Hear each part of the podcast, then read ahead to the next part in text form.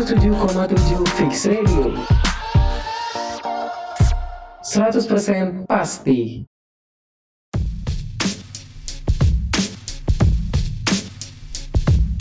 Saatnya mendengarkan Zona Milenial Generasi sehat Bincang psikologi Bisnis asik Dunia teknologi Ngobrolin budaya Busana terkini Detektif kuliner Dan bahas film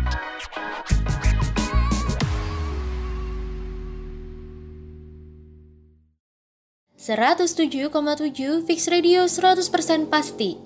Halo Fiksi, jumpa lagi di Fix Radio bersama Ya Cinta Salsabila Gimana nih Fiksi kabarnya? Semoga sehat terus ya, apalagi di musim pandemi gini tuh kita harus banget jaga kesehatan biar aman dari virus corona. Nah Fiksi, di Fix Radio ini kita bakal ngajakin Fiksi menjelajahi berbagai segmen yang asik tentunya dan juga menarik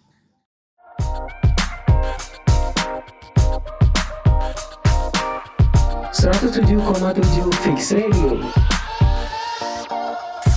100% pasti Baik Fiksi, kita langsung aja ke rubrik pertama yaitu generasi sehat di tengah pandemi gini kan pasti fiksi kaget lihat temen yang tiba-tiba pakai kacamata.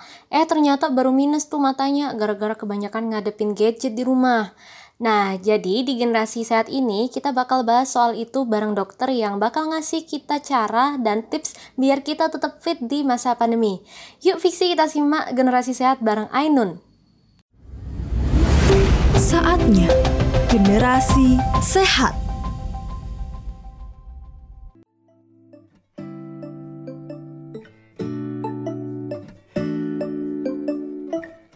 Halo Fiksi, Ainun akan menemani Fiksi di generasi sehat, cerdas, dan berkualitas. Kali ini, Ainun mau bahas mengenai cara menjaga kesehatan mata selama pandemi. Di masa pandemi ini, sebagian aktivitas dialihkan ke rumah dan menutup kita untuk melakukan berbagai kegiatan secara daring. Namun, menatap gadget selama berjam-jam dapat menyebabkan berbagai macam keluhan pada mata, mulai dari mata lelah, mata kering, iritasi, dan lain sebagainya. Salah satu siswa yang terdampak akibat pembelajaran daring ini adalah Salsabila, siswa di SMP Negeri 11 Kota Cirebon yang akhirnya harus menggunakan kacamata minus karena pembelajaran daring nih. Baru tahunya setelah diperiksa itu, ternyata mata kanan saya minus 2 dan mata kiri minus 1, yang masing-masingnya silinder 1. Nah, fiksi tanda gejala mata terlalu lelah ini di antaranya mata kita menjadi lebih cepat berair, terasa pedih atau gatal, pandangan menjadi kabur dan mata kita menjadi lebih sensitif terhadap cahaya. Terlalu lama menatap layar juga dapat menyebabkan gejala pada bagian tubuh lain, misalnya nyeri pada bahu, leher, punggung, dan sakit kepala. Awalnya, saya lagi nonton pembelajaran daring tuh di TV, terus ngerjain tugas seperti biasanya. Nah, pas manggil ibu buat minta tolong bantu, tapi kok ngeliat ibu kayak nggak jelas gitu. Rasanya pusing deh lihat yang jauh-jauh. Terus saya sering kucek-kucek mata gitu jadinya. Ibu khawatir lihat saya yang kayak gitu dan akhirnya saya dibawa ke dokter. Ditambah pola hidup yang buruk seperti kebiasaan begadang, mengkonsumsi makanan yang tidak sehat, hal-hal seperti inilah yang dapat memperparah kesehatan mata. Untuk itu, dalam hal ini, peran serta orang tua sangat diperlukan. Dan berikut ini, pernyataan dari Zulfah selaku orang tua Salsabila. Setelah tahu mata Sasa minus, saya langsung batasi dia bermain HP jadi sehari itu maksimalnya cuma 5 jam. Itu sudah termasuk belajar daring. Gak boleh begadang. Makanan juga saya atur. Mumpung minusnya masih bisa diobatin. Lantas bagaimana sih solusi yang tepat untuk menjaga kesehatan mata kita? Nah fiksi, yuk kita dengerin langsung dari pakarnya, yakni Dr. Ika Gomala.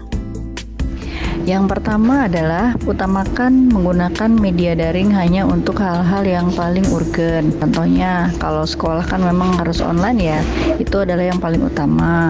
Kemudian yang nomor dua adalah hindari menggunakan gadget yang terus-menerus. Jadi kalau udah tiga jam, stop aja dulu. Kalau memang bisa di, di stop gitu ya. Kalau memang mau tiga jam udah selesai ya udah stop dulu. Nanti kita baru mulai lagi misalnya beberapa saat kemudian. Walaupun sebentar, it's okay. Jadi uh, alihkan mata kita dari layar gadget setiap 3 jam. Diusahakan seperti itu. Lalu mata digunakan untuk memandang jauh agar otot-otot mata yang tadinya dipakai bekerja ini menjadi rileks karena pada saat kita melihat ke layar gadget itu eh, otot-otot mata kita itu dia melakukan kontraksi. Kalau memang memungkinkan, bisa juga melihat pemandangan di luar, pepohonan, daun-daun sehingga ini mengurangi uh, mata yang lelah. Kemudian yang ketiga adalah e, mengurangi atau membatasi menggunakan gadget pada posisi tiduran. Posisi tubuh kita itu pada saat menggunakan gadget ini e, dalam posisi duduk sehingga mata itu berada pada posisi yang sejajar, bukan dari bawah melihat ke atas. Kemudian yang keempat adalah perhatikan selalu kecukupan air dan nutrisi untuk tubuh. Jadi itu selalu sediakan air minum di dekat kita saat kita sedang melakukan kegiatan daring supaya jangan susah tuh. Kalau udah duduk depan laptop itu biasanya udah males mau berdiri lagi gitu ya. Juga kita uh, harus perhatikan kecukupan makan buah-buahan dan sayuran. Jangan lupa nutrisi itu penting untuk uh, kesehatan baik itu mata maupun uh, bagian tubuh yang lainnya Ya baik fiksi itu tadi penjelasan yang rinci sekali dari Dr. Ika Dan penjelasan tadi sekaligus menutup generasi sehat episode hari ini Saya Ainun pamit undur diri, tetap jaga kesehatan dan salam sehat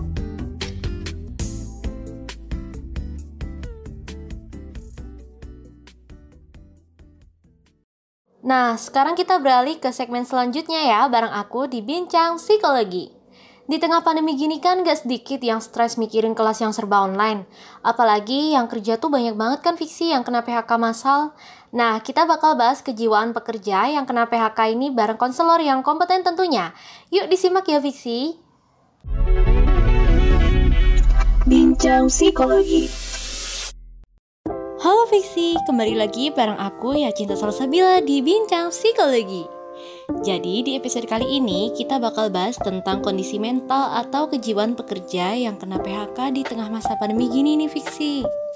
Nah, tentunya di Bincang Psikologi kita bakal nyajiin informasi dan pengetahuan baru tentang ilmu psikologi ke fiksi dan gak ngebosenin tentunya bareng konselor dari Universitas Bengkulu, Ahna Fikra alias Mbak Fika nih fiksi. Halo Mbak Fika, udah berapa orang sih di Bengkulu yang kena PHK selama pandemi gini?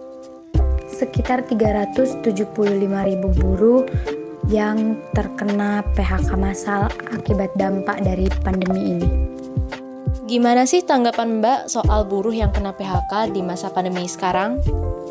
Tanggapan saya mengenai buruh yang terkena PHK di masa pandemi, uh, yang jelas dia kehilangan pekerjaannya dan dari kehilangan pekerjaan itu dia kehilangan untuk melakukan rutinitas normal seperti biasanya dan itu akan dapat memengaruhi perubahan emosi yang ada dalam dirinya, perilaku, bahkan bisa membuat perasaan seseorang tersebut setiap harinya menjadi tidak karuan hingga membuat depresi dan gangguan psikis lainnya. Kalau menurut ilmu psikologi nih Mbak, gimana keterkaitan dari PHK terhadap kejiwaan atau psikis mereka gitu? Untuk kondisi kejiwaan mereka yang di PHK massal akibat pandemi ini, jelas terdapat perubahan sikap dan perilaku serta perubahan emosi di dalamnya, yang membuat orang tersebut menjadi tidak karuan, bahkan merasakan kehilangan harga diri. Padahal kehilangan sesuatu dalam hidup, seperti kehilangan pekerjaan, tidak berarti membuat kita kehilangan harga diri karena kehilangan pekerjaan atau sesuatu dalam hidup dengan kehilangan harga diri adalah dua hal yang berbeda. Tetapi tidak menutup kemungkinan mereka yang terkena PHK di tengah pandemi ini merasakan kehilangan harga diri akibat kehilangan pekerjaannya. Ini disebabkan karena ketika kehilangan sesuatu dalam hidup, seperti kehilangan pekerjaan tadi, yang membuat orang menjadi tidak karuan hingga merasa kehilangan harga diri. Nah, gimana nih Mbak sarannya untuk pekerja di luar sana yang masih diberi kesempatan untuk bekerja di tengah pandemi gini ataupun yang di remote gitu di kantor? Atau uh, buat yang udah kena PHK massal nih biar terhindar dari gangguan psikis dengan menghadapi persoalan berat selama masa pandemi gini Mbak?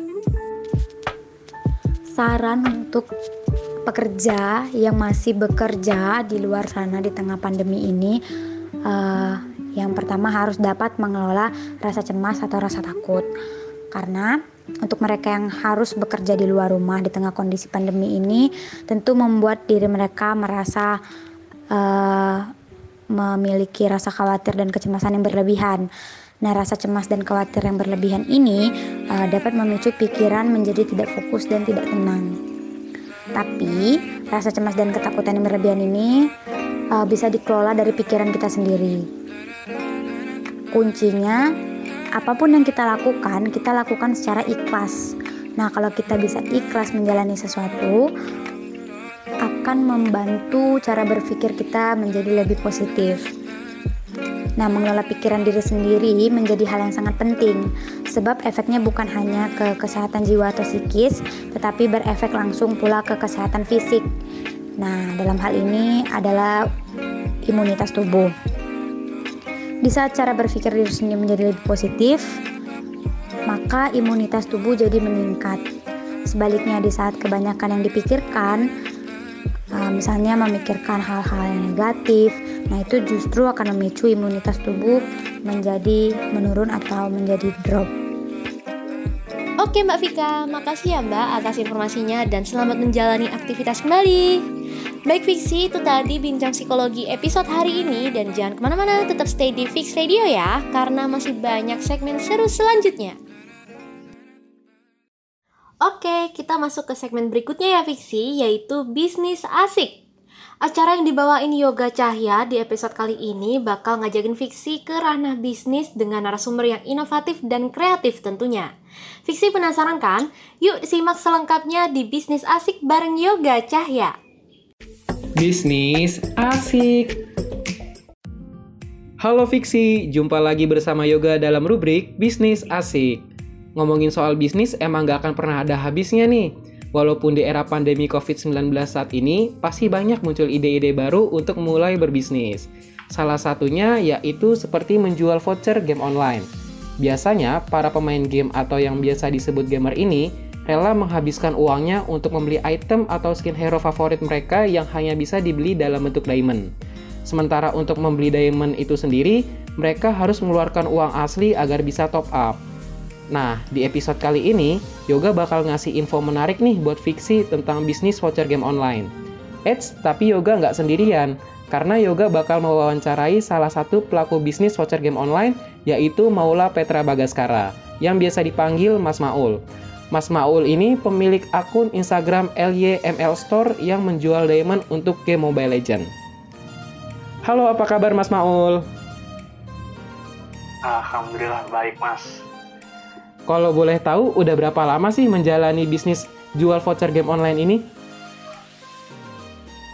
Kalau udah berapa lama sih? Ini udah dua bulan lebih ya, mau ke tiga bulan. Oh, udah lumayan juga ya, lumayan lama juga. Ya. Terus gimana sih awal mula ceritanya bisa bikin bisnis voucher game atau jual Diamond Mobile Legend ini? Ya kan awalnya saya dulu kan ini kan pemain Mobile Legend kan. Lalu saya juga pernah jadi pembeli Diamond gitu kan. Nah, saya itu pernah berpikiran ini orang kok bisa jualan Diamond. Ya akhirnya saya coba. Saya akhirnya join ke reseller di sebuah toko Diamond dan sampai detik ini saya akhirnya bisa menjual Diamond Mobile Legend sendiri. Oh, jadi emang berawal dari kita tahu dulu ya gamenya, gamenya itu apa. Ya. Benar-benar. Uh, wih. Terus kalau menurut Mas Maul sendiri nih, bisnis ini menguntungkan nggak? Jelas sangat menguntungkan, Mas. Soalnya kalau saya merugi, saya nggak bakal lanjut sejauh ini sih. Oh iya. Tiga bulan. Iya, bener ya. juga ya. Boleh dong kasih tahu ke kita dan fiksi yang lagi denger ini dari bisnis yang udah dijalanin Mas Maul selama dua setengah bulan ini, kira-kira udah meraup untung berapa sih? Kisaran aja nggak apa-apa deh. Ya, kalau kisaran sih antara 5 sampai 7 juta kali per bulannya bersih ya. Wih, lumayan ya Mas ya? Ya, lumayan. Terus uh, apa aja nih kekurangan dan kelebihan dari menjalankan bisnis ini?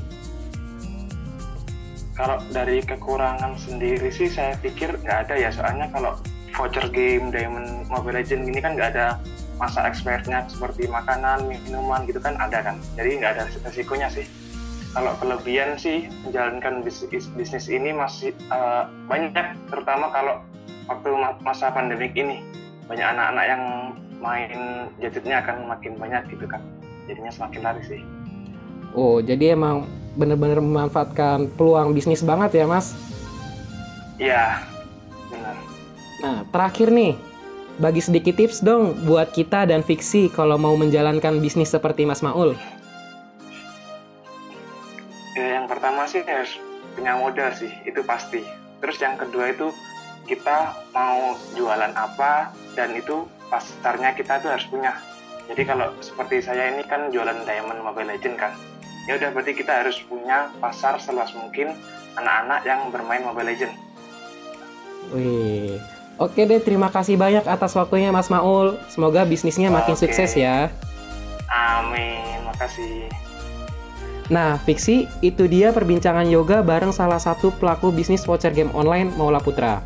Gimana? Udah merasa tertarik belum buat ikutan bisnis itu juga? Kalau gitu, bisnis asik sampai di sini dulu ya. Sampai jumpa di episode berikutnya. Bye-bye. Fiksi tiap hari gak bisa lepas dari gadget kan? Apalagi sekarang perkembangan teknologi tuh dari zaman ke zaman tuh makin canggih aja Fiksi. Belum lagi ada akses internet yang bikin Fiksi makin betah ngadepin gadget mulu seharian.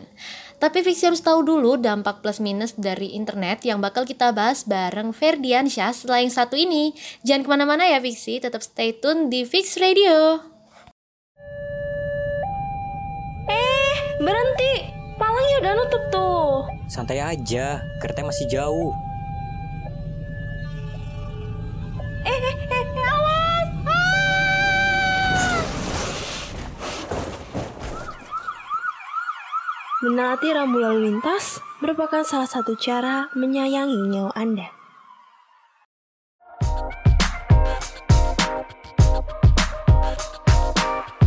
107,7 Fix Radio 100% pasti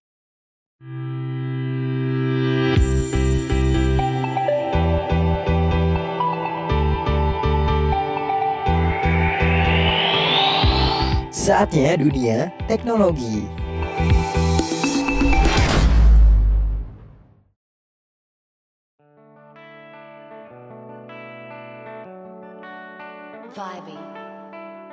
Halo Sobat Fiksi, gimana kabarnya nih? Sekarang saatnya kalian mendengarkan dunia teknologi bersama Ferdi di sini yang akan menemani kalian.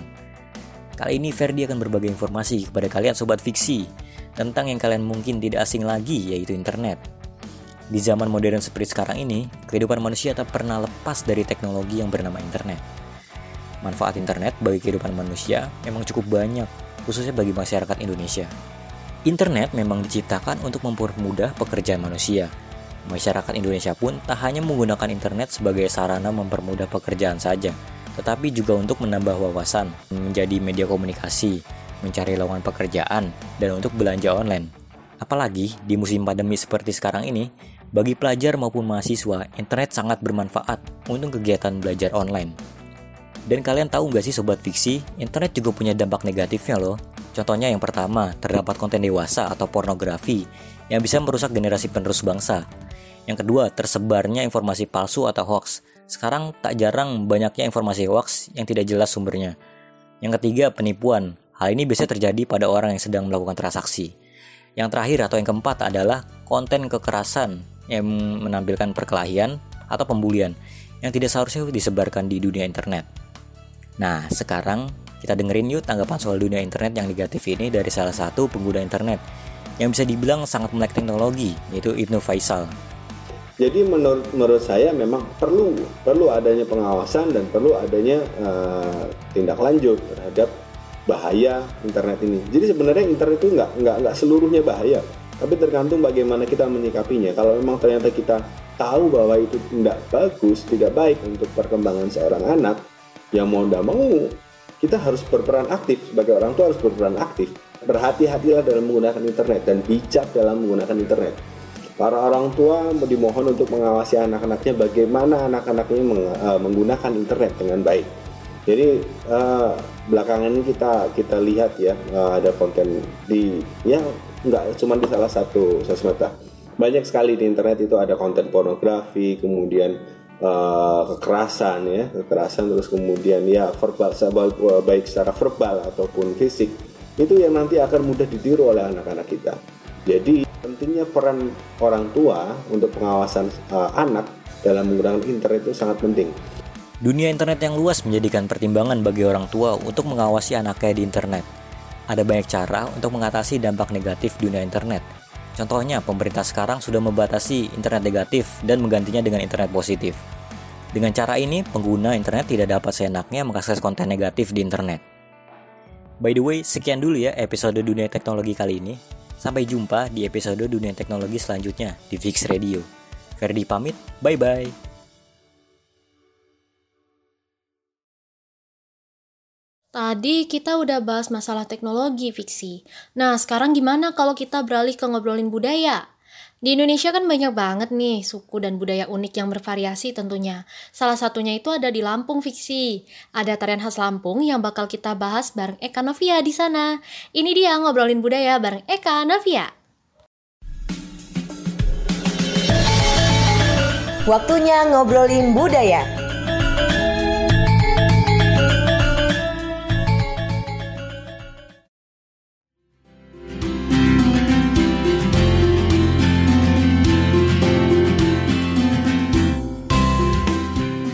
Halo Efiksi, kali ini kamu ada di program Ngobrolin Budaya bareng Eka Novia yang akan membahas seputar budaya di Indonesia.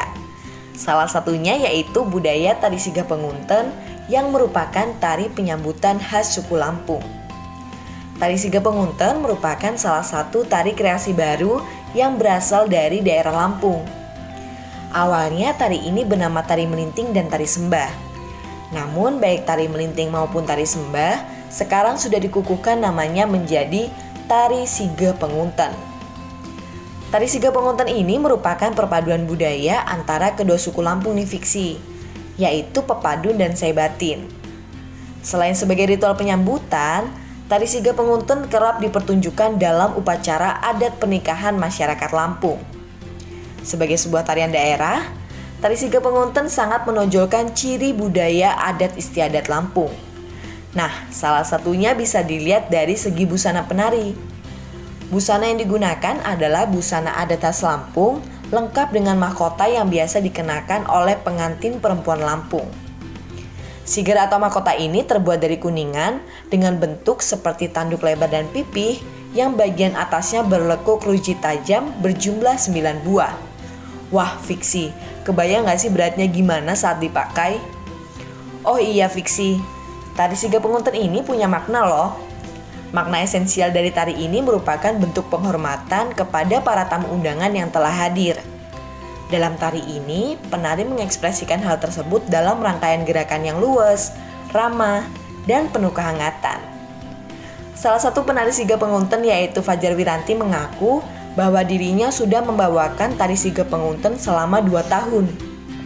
Ia mengatakan bahwa dirinya merasa tertantang untuk mengenalkan budaya Lampung di kota Yogyakarta, tempat ia mengenyam pendidikan. Kemauan itu berasal dari dirinya sendiri, karena ia merasa senang dan bangga bisa membawakan tari dari daerahnya. Yang mana di zaman sekarang ini kebanyakan anak muda mulai lupa dengan budayanya sendiri.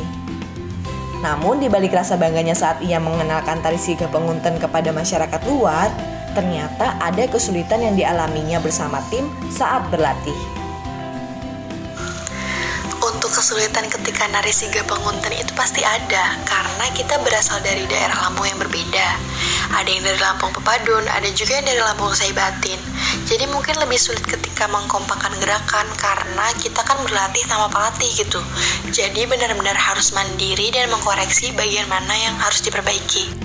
Selain itu, sebagai generasi milenial yang cinta dengan budayanya, ia sangat menginginkan dan berharap bahwa anak muda zaman sekarang mau, bahkan lebih peduli dengan budayanya sendiri dibandingkan dengan budaya asing. Pesan buat teman-teman, sebaiknya jangan hanya mengikuti tren modern. Ayo dan mari sama-sama melestarikan budaya tradisional Indonesia. Itu bisa apa aja, boleh tari atau apa pun, karena pasti kita nantinya akan merasa bangga. Jangan sampai kita lupa, dan jangan sampai budaya kita diklaim oleh negara lain. Fiksi, kamu tahu nggak sih, pelestarian seni dan budaya di Indonesia ini merupakan tanggung jawab bersama loh karena kebudayaan memegang peranan penting dalam kemajuan bangsa. Nah, untuk itu kita sebagai penerus generasi bangsa harusnya lebih mencintai dan melestarikan budaya asli bangsa Indonesia. Karena kalau bukan kita, siapa lagi? Oke fiksi itu tadi ngobrolin budaya episode Tari Siga Pengunten. Eka pamit, sampai jumpa di episode selanjutnya.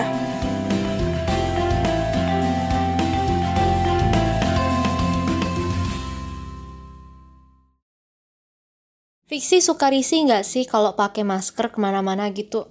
Apalagi kalau kondangan atau mau hunting photoshoot gitu pasti nggak matching banget kan kalau maskernya itu-itu aja. Nah, di Busana Terkini kita bakal ngintip gimana sih tren baru fashion di tengah pandemi biar maskernya nggak gitu-gitu aja Fiksi bareng Ulaya dan fashion designer yang kreatif tentunya.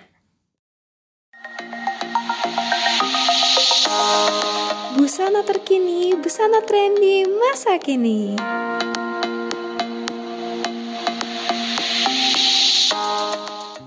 Fiksi, sekarang saatnya kita membahas seputar fashion and style bareng aku, Ulaya Audisa di Busana Terkini, Busana Trendy Masa Kini. Di masa pandemi ini, masker menjadi kebutuhan sehari-hari serta menjadi salah satu keperluan utama ya Fiksi. Setelah stok masker di pasaran mulai sulit ditemukan, banyak orang yang mencari alternatif pengganti atau bahkan menciptakan kreasi masker dengan ide-ide yang unik. Oleh kalangan pencinta fashion, masker tak hanya menjadi pelindung diri dari COVID-19 loh. Trik padu padan masker dengan busana yang kita gunakan menjadi tren fashion terkini loh fiksi. Fashion bukanlah pakaian semata, tapi juga merupakan gaya hidup. Jadi dengan kata lain, kebutuhan akan fashion akan beradaptasi dengan perkembangan zaman. Molly Goddard, salah satu fashion designer asal Inggris punya kutipan bagus nih soal tren fashion. This year, mask is part of anyone's outfit. It's like a must now become must have accessory. It will be fun to see how everyone style their mask to their outfit. Nah, kita dengerin juga yuk pendapat soal masker sebagai tren fashion dari salah satu fashion designer dalam negeri yaitu Kak Ruby Indrawati. Um, kondisi COVID-19 sangat mengubah bagaimana semua orang jalanin hidupnya. Jadi menurut saya sekarang, akibat pandemi yang berlangsung cukup lama, masker menjadi bagian yang tak terpisah di fashion dan menjadi salah satu tren fashion tahun ini. Nah, semua orang sedang mengikuti tren fashion, termasuk para desainer. Punya masker yang cocok dan matching sama outfit yang kita pakai itu menyenangkan sih. Jadi mencocokkan warna atau desain segala macam. Jadi menimbang masker apa yang akan dipakai pun akan menjadi bagian dari perencanaan dalam memakai uh, busana gitu. Memakai masker sekarang ini seperti memilih baju loh.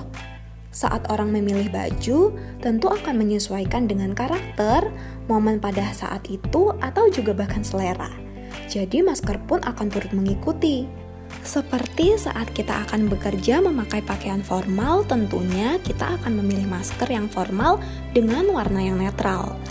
Jika hanya ingin nongkrong bareng teman-teman, kita akan memilih masker yang lebih ke arah casual. Dan juga bila ingin pergi ke pesta, kita akan memilih masker yang didesain khusus untuk pesta dan tentunya dengan gaya masker yang lebih mewah dan glamor. Aneka ragam corak dan warna masker yang semakin beragam kini memudahkan siapa saja untuk padu padan outfit dengan warna masker yang dimiliki seperti yang Ulaya contohkan tadi fiksi. Banyaknya model masker yang kian beragam ini dinilai mampu mendorong mereka yang semula malas menggunakan masker untuk mau menggunakan masker dalam kehidupan sehari-hari. Masker yang dibuat pun tak hanya memperhatikan kenyamanan, tapi juga desain yang membuat si pengguna lebih percaya diri. Anyway, sekian dulu ya episode busana terkini hari ini. See you as soon as possible, Fiksi. Ulaya pamit ya. Dadah! Jam segini Fiksi udah makan belum sih? Nah ngomongin soal makan, pasti Fiksi males banget kan ribet gitu nyari bahan masakan keluar. Belum lagi harus pakai masker, harus physical distancing pas musim pandemi gini. Fiksi pasti lebih milih nyetokin frozen food kan ya di rumah atau di kosan daripada ribet dulu beli atau masak dulu gitu kan. Tapi Fiksi harus tahu dulu kandungan dari frozen food itu apa aja sih dan dampaknya ke tubuh itu gimana ke depannya. Nah simak informasinya ya di Detektif Kuliner bareng Syafira Kinanti dan ahli gizi kompeten tentunya. Detektif Kuliner. Hai Fiksi, Kinan akan menemani Fiksi dalam Detektif Kuliner hari ini. Kali ini kita akan membahas makanan yang menjadi primadona saat new normal nih Fiksi. Kembalinya masyarakat ke aktivitas normal dengan melakukan protokol kesehatan dalam mencegah COVID-19 memberi imbas pada pola konsumsi, khususnya dalam memburu bahan makanan. Dan juga di masa pandemi ini, kewaspadaan terhadap kesehatan terus meningkatkan ya fiksi termasuk urusan makanan yang tadinya tuh kita suka jajan sembarangan sekarang sudah jarang. Nah, kita mau beli makanan yang matang untuk makan sehari-hari juga pasti jadi ragu-ragu kan ya. Tapi mau masak sendiri juga repot, gak ada waktu, malas, atau memang nggak bisa dan nggak terbiasa memasak. Akhirnya pilihannya adalah mengandalkan frozen food atau makanan jadi yang tinggal dihangatkan atau dimasak di rumah. Tidak perlu repot mengupas bawang atau mengulek cabai karena makanan tersebut sudah dibumbui. Dan juga tidak perlu khawatir soal kebersihan lo fiksi karena kita panaskan atau masak sendiri. Sejak diberlakukannya PSBB dan memasuki masa new normal di berbagai wilayah di Indonesia, Jenis makanan ini menjadi primadona karena bisa disimpan lama loh fiksi. Bahkan bisa menolong kita yang ingin selalu memasak di rumah namun tetap memberikan menu yang bervariasi untuk keluarga. Sangat membantu kan fiksi? Tapi aman tidak ya untuk dikonsumsi? Yuk fiksi, kita langsung saja dengerin pernyataan dari Kak Masita yang berprofesi sebagai ahli gizi. Frozen food masih boleh dimakan nggak sih? Oke, jadi nih ya frozen food itu sebenarnya masih boleh kita konsumsi, tapi dalam batas wajar. Nah, makanan yang dibekukan seperti nugget, sosis itu sebenarnya nggak boleh kita konsumsi setiap hari. Soalnya makanan yang dibekukan itu banyak mengandung bahan pengawet kayak Sedangkan menurut WHO boleh mengkonsumsi natrium itu sebanyak 2400 mg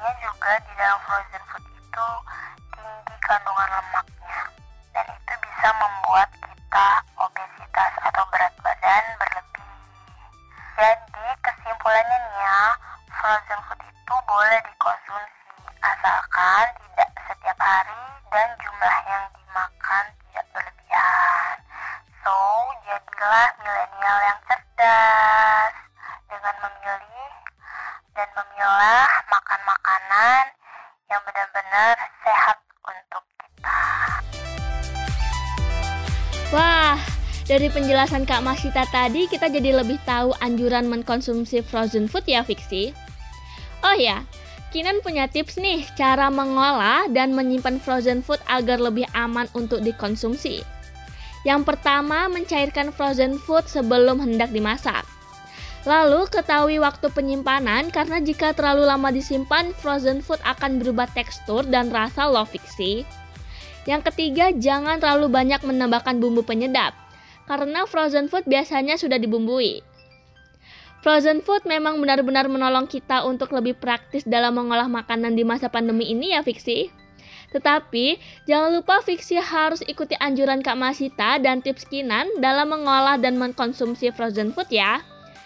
Nah Fiksi, Detektif Kuliner sudah menyampaikan informasi lengkap seputar frozen food nih. Kalau gitu, Kinan pamit dulu ya Fiksi. Sampai ketemu lagi. Dadah!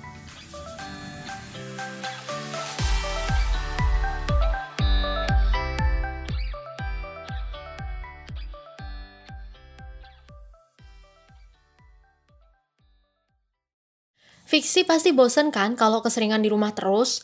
Apalagi sekarang tuh susah banget kalau mau hangout bareng temen kan selama masa pandemi gini.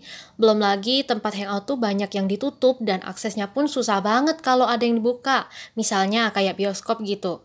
Nah, di Bahas Film ini kita bakal bahas gimana sih industri film di tengah masa pandemi gini bareng Tiffany Rizky. Yuk Fiksi, monggo disimak ya info lengkapnya. Waktunya bahas film. Halo Fiksi, kembali lagi bareng aku Tiffany Rizky di Bahas Film. Tentunya akan membahas informasi seputar dunia perfilman dan Tiffany bakal kasih rekomendasi film yang asik ditonton saat di rumah aja. Seperti yang kita ketahui Fiksi, dari bulan Maret lalu semua bioskop di Indonesia ditutup serentak dikarenakan COVID-19. Dampak pandemi ini tentu dirasakan juga oleh pekerja film. Bagaimana tidak, seluruh kegiatan syuting turut dihentikan. Episode kali ini bakal bahas tentang dampak pandemi bagi sineas Indonesia, tentunya dengan narasumber yang ahli di bidangnya. Bareng Mas Reza Pahlevi sebagai sutradara film pendek yang berjudul Makmum dan juga seorang konten kreator. Halo Mas Riza. Halo, perkenalkan nama saya Riza Pahlevi, bisa dipanggil Riza. Oke, lagi sibuk apa nih Mas Riza sekarang? Kesibukanku sekarang adalah seorang mahasiswa, ngajar juga, filmmaker juga, konten kreator juga. Seberapa berdampaknya mas pandemi bagi para filmmaker? Yang jelas um, berdampak banget ya, karena juga banyak kru uh, harian lah atau lepasan yang memang bergantung pada syuting film dan pastinya Eh, kalau ngomongin film lebih besar lagi ya pihak-pihak distribusi seperti bioskop maupun festival-festival yang biasanya offline akan kesulitan kalau online dan ya semoga semuanya segera kembali normal. Karena pandemi ini membatasi ruang Mas Riza untuk syuting. Nah, kegiatan apa saja sih yang dilakukan Mas Riza selama pandemi? Kalau untuk film panjang memang uh, kebetulan Gibah kemarin dikerjain uh, di hari-hari terakhir tuh pas udah mulai masuk uh, COVID ya di Indonesia, tapi memang belum sampai di tahap dilarang syuting gitu. Itu masih beruntung banget masih bisa syuting, tapi uh, yang kena dampak tuh makmum dua. Harusnya syutingnya kemarin waktu bulan puasa, tapi akhirnya baru syuting di bulan Oktober ini tapi selain itu untuk film pendek sebenarnya aku malah jadi lebih produktif sih. Karena lebih banyak waktu luang di rumah tapi memang untuk geraknya jadi lebih uh, sempit lah dalam artian aku pakai lokasi yang ada di sekitaran rumahku ya di rumah juga di kampungku jadi nggak yang ke mana-mana gitu. Ngerjainnya juga sama teman-temanku. Jadi ya kalau dibilang dibatasi orang kreatif kalau dibatasi malah jadi semakin liar idenya gitu dan ketika di rumah dan gak ngapa-ngapain akhirnya ya malah jadi bikin film film pendek sih untuk di YouTube. Oke baik, saat pandemi seperti ini masyarakat melakukan hampir semua kegiatan di rumah nih mas. Tentu yang menjadi sasaran utama agar tidak bosan ya menonton film gitu kan. Lalu bagaimana Mas Riza memanfaatkan fenomena tersebut sebagai filmmaker? Iya banyak banget akhirnya orang-orang yang beralih ke platform streaming ya karena memang bioskop nggak buka jadi akhirnya larinya ke streaming dan sekarang layanan OTT juga semakin banyak. Kalau aku ya seperti yang sudah aku bilang tadi akhirnya aku malah jadi lebih produktif untuk bikin film pendek di-upload ke YouTube jadi ya lumayan lah buat nemenin orang-orang nonton dan mungkin ada orang yang nggak gitu sempat nonton film panjang akhirnya bisa lari ke film pendek dan aku memanfaatkannya lewat situ. Oke Mas Riza, terima kasih banyak atas waktunya dan sukses selalu. Wah Fiksi, tentunya kita semua kangen banget ya nonton film di bioskop. Tenang aja nih Fiksi, kita masih bisa nonton film di rumah aja bareng keluarga dengan tontonan yang asik nih. Tiffany punya rekomendasi film yang cocok ditonton selama kamu di rumah aja. Oke, film pertama yaitu film Korea yang berjudul Away on the Moon. Ini merupakan film tahun 2009 yang karakter utamanya menimbun sampah di kamar. Dan hidup bareng bersama sampah-sampah di kamarnya selama bertahun-tahun. Walaupun ini film lama, tapi dijamin film ini tuh bagus banget dan banyak pelajaran yang bisa kita ambil. Masih banyak rekomendasi film asik yang cocok banget nih ditonton selama kamu di rumah aja. Pastikan kamu selalu mendengarkan bahas film di Fix Radio 100% pasti. Tiffany pamit undur diri and see you in the next episode. Bye-bye. Nah, nggak kerasa ya Fiksi udah banyak banget segmen asik dan seru di Fix Radio hari ini yang udah kita bahas. Jangan sedih ya Fiksi, ya Cinta Salsabila mau pamit undur diri dulu dan tetap stay ya di Fix Radio. Karena bakal ada keseruan lainnya di episode selanjutnya Fiksi. Bye-bye! Terima kasih telah mendengarkan Zona Milenial. Siap menangkal virus corona. Social distancing jangan lupa. Ingat untuk selalu cuci tangan secara rutin. Asupan bergizi untuk daya tahan tubuh. Pakai masker untuk melindungi diri di luar rumah.